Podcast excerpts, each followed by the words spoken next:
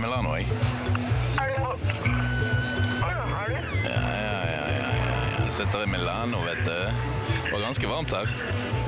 Det var sånn skikkelig eh, vegg av varme som slo mot meg når eh, jeg gikk av flyet. Så det var digg. Kommer du til Algeria nå? Ja. Ja, ja. Flyr sånn at jeg er Jeg er nok på hotellet sånn cirka halv seks. Fem-halv seks. Har du lyst til å komme bort, eller? Mm, ja, ok. Eller skal jeg møte deg et annet sted seinere? Vi skal være på stranden sånn eh, den tiden, så vi skal dra rundt og Ja, men da kommer du Bare ring. Du har med deg telefonen, så ringer du meg fra stranden, sant? Ja. Veldig bra. Jeg gleder meg. Bare ring meg når du er klar, sant? Ha det. Hva, er det, hva betyr det å være kul? Hvor kommer det fra? Er det politisk? Er det seksuelt? Er det, eh, er det maskulint? Er det feminint? Nevn en norsk person som er kul. Og ikke si Jens Stoltenberg, for da Det var det Jens sa til meg. Jens, Jens Stoltenberg, sa jeg. Er han kul? Ja. Nei! Han er jo ikke det. Det er jo ikke et snev av Jens Stoltenberg som er kul. Hvem er kul? Eh, uh, uh, jeg vet ikke. Leif eh, Morten Synnervåg. Nei. Det var ikke sånn ment. Nei. Nei. Hvem er en som du ser, uh, som alle vet om, som alle En type kjendis som er kul. Hvem er det? Jeg vet ikke. Jeg kan komme på noen. Hun den bergenske friidrettsutøveren som løper hekk. Hun er Isabel Pedersen. Kul. Leon Ajkic. Kul.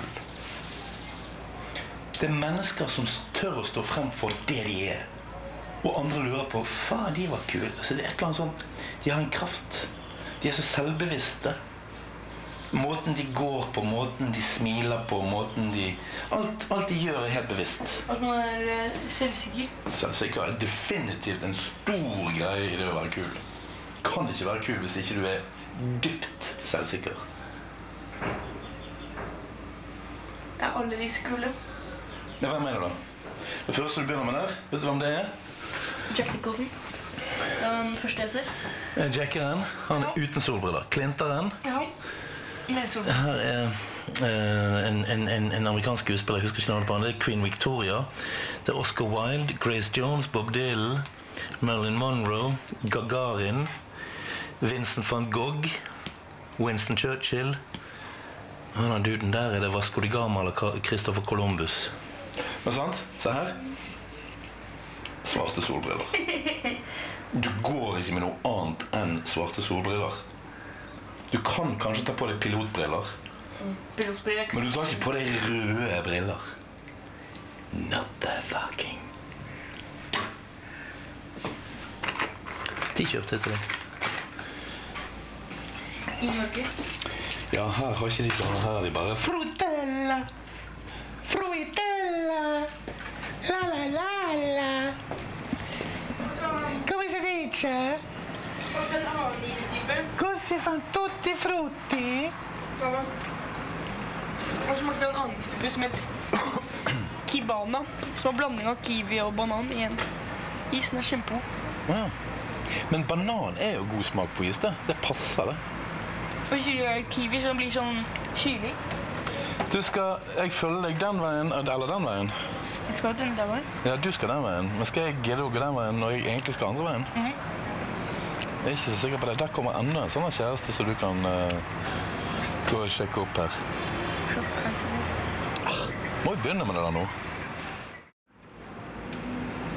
Men her på Sardinia så tror de at det er sånn eh, utslipp for å justere klimaet. For å få bort skyer og Jeg vet at det er sånne konspirasjonsteorier om at de slipper ut sånne flystripegasser for at det skal bli regn. Men det er jo bare tull. Det er det samme som mener at månen Nei, det var bare det var Kubrick som innspilte. Det var Francis Ford Coppola som laget den filmen. Nei, noen ting er faktisk veldig greit å bevise. Og akkurat når det gjelder månen, dritenkelt. Vet du hvorfor vi vet at de har vært der? Nei. Ja, for det første kan du ta bilder av fotavtrykkene deres, for de står der ennå. Men det er én ting de satte igjen. Et laserspeil. Så sender du en laserstråle til månen, så tar det nøyaktig fra den tilbake. Jeg tror det er sånn 1,8 sekunder lysets hastighet til månen og tilbake igjen. Og da har de funnet ut at fra 1969, fra de satt den der, så har månen begynt å gå lenger bort fra jorden. Ikke mye, men en sånn en meter i året. Så han svinger seg på en måte lenger og lenger utover. Da? Ja, Hvis man gikk såpass fort som er raskere enn lysets hastighet, ja. kunne man um, um, gått ja.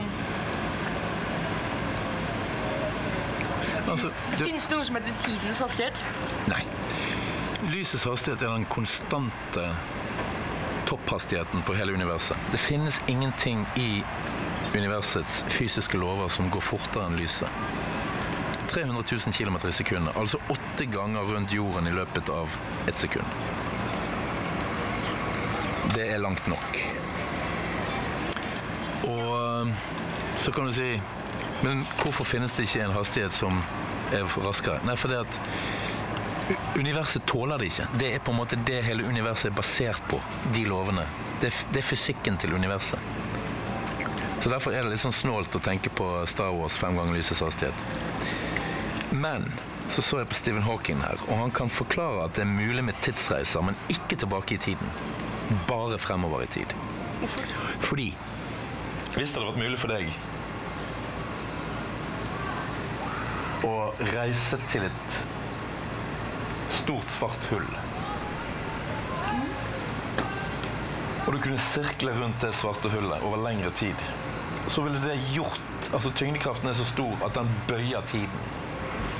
Og det vil si at den tiden som virker normal for deg, egentlig går veldig mye saktere enn for de som lever utenfor. Så la oss si da, du reiste fra jorden. Hvis det var fysisk mulig å dra til et svart hull, og du sirkler rundt det svarte hullet, men du faller ikke inn i det. Du bare sirkler rundt det. Så er tyngdekraften så sterk at den bøyer tiden. Tiden vil opptre, oppfattes annerledes fordi tyngdekraften er så sterk enn et annet sted i universet. Så hvis du reiser fra jorden, bruker 20 år til det svarte hullet, sirkler 20 år rundt det, og reiser 20 år tilbake. Da har det gått 60 år. Da er du en mann på 73 år. Da har det gått 500 år på jorden. Eller 600 eller 1000. ikke sant? Da har det gått veldig lang tid et annet sted. For der gikk tiden i normal hastighet. Relativt sett. For alt er bare relativt. Det var derfor du sa altså dobbelt så varmt som 10 grader er jo ikke 20 grader. For det må ses i med tanke på én ting, og det er det absolutte frysepunktet. Som er det utgangspunktet for hvordan vi måler temperatur. Hva heter det når man måler fra minus eh, 200 og et eller annet? Det er null kelvin. Kelvin, ja. Minus 273 grader, ikke sant? Og hvis det da er pluss 20 grader celsius, så blir det 293 grader kelvin. Og hvis du skal ha det dobbelt så varmt som det, ja ja, da snakker vi 586 varmegrader, og det er tandoori-ovnen.